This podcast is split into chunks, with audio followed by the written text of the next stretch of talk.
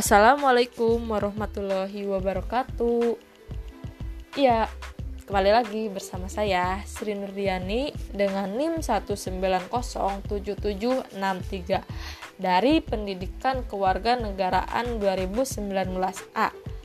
Saya di sini dari kelompok 15. Nah, pada kesempatan kali ini saya akan membuat podcast dengan tujuan untuk memenuhi syarat mata kuliah pendidikan ilmu pengetahuan sosial nih. Dan ada juga tujuan lainnya yaitu saya di sini akan memberikan pendapat dan kritik saran kepada kelompok 7 nih yang beranggotakan Daniel Carlos Maripi dan Dewi Aulia Ajahra. Baik, langsung saja ya.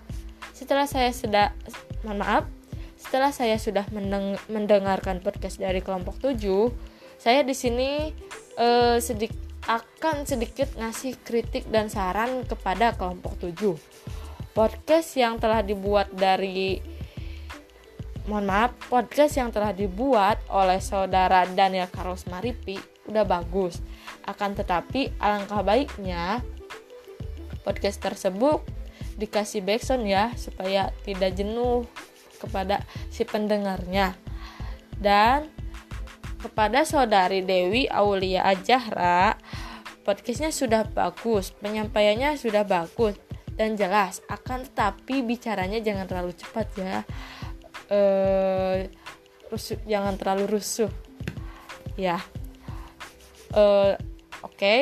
saya di sini akan langsung saja ya apa yang telah disampaikan oleh kelompok 7, saya setuju.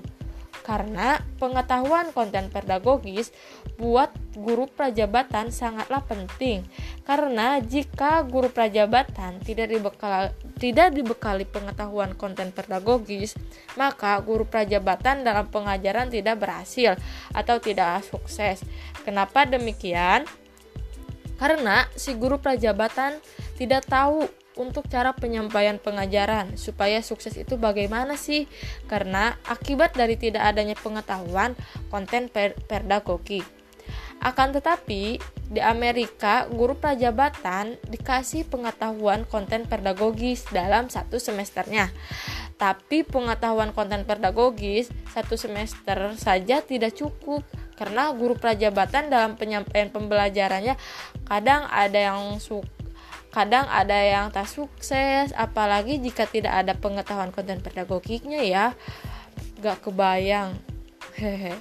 Oke sebelum mengakhiri podcast saya saya izin kepada kelompok 6 izin mohon maaf izin bertanya kepada kelompok 6 bagaimana cara pengetahuan konten pedagog pedagogis di Indonesia disampaikan apakah sama seperti di, di Amerika atau bagaimana terima kasih kepada kelompok 6 dan kepada para dosen serta kepada teman-teman yang telah menyempatkan waktunya untuk mendengarkan podcast saya. Mohon maaf jika ada kekurangan. Wassalamualaikum warahmatullahi wabarakatuh.